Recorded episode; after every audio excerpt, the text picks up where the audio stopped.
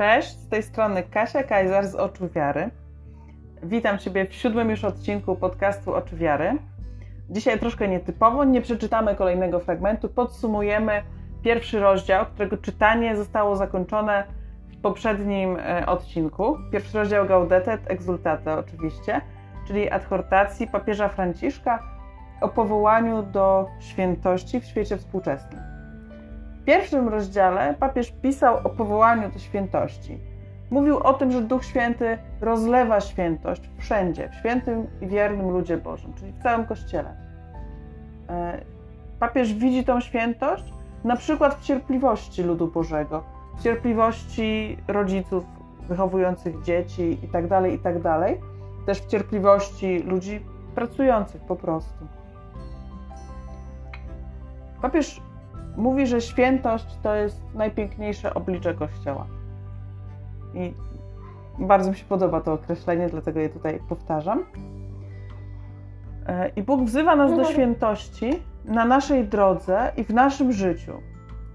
E, papież przestrzega, żebyśmy nie zniechęcali się tym, że nie da się odtworzyć życia innego człowieka, innego świętego czy świętej, e, dlatego że każdy z nas żyje swoim życiem każdy otrzymał od Pana Boga swoje, swój plan, swoją misję do wykonania.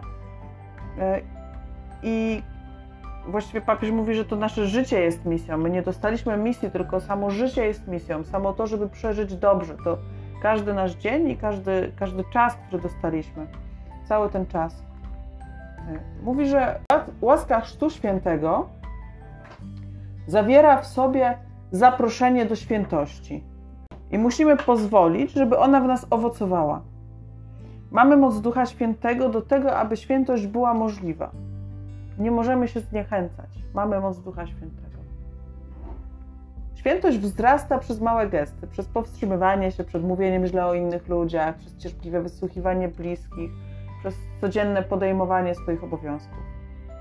Świętość to jest piękno Kościoła i my mamy być piękni. Papież tak. zachęca. Tak. Papież zachęca nas do tak. działania. Do życia kontemplacją i modlitwą, ale nigdy nie kosztem życia w relacji z innymi i bycia w relacji z innymi. Miarą świętości jest miłość. A praca dla dobra ludzi i z miłości jest naśladowaniem Jezusa, który żył będąc darem z siebie samego. Padło też w pierwszym rozdziale pojęcie święci z sąsiedztwa, które jest bardzo często cytowane i powtarzane. Mówi o wszystkich tych ludziach, którzy swoją codziennością, małych gestów, uśmiechem, dobrocią wskazywali i wskazują na Pana, nieustannie pokazując nam, jak dobry jest Bóg. Mam nadzieję, że lektura tego pierwszego rozdziału przyniosła Wam tyle radości, co mi. W kolejnej części będziemy czytać o dwóch subtelnych wrogach świętości współczesnym gnostycyzmie i pelagianizmie. Są to dwie herezje wczesnochrześcijańskie, które wciąż jeszcze funkcjonują w naszym myśleniu. Ale czym są i jak dzisiaj żyją, to już w następnych odcinkach. Zostańcie z Bogiem, pozdrawiam serdecznie Kasia Kajzar, oczywiary.pl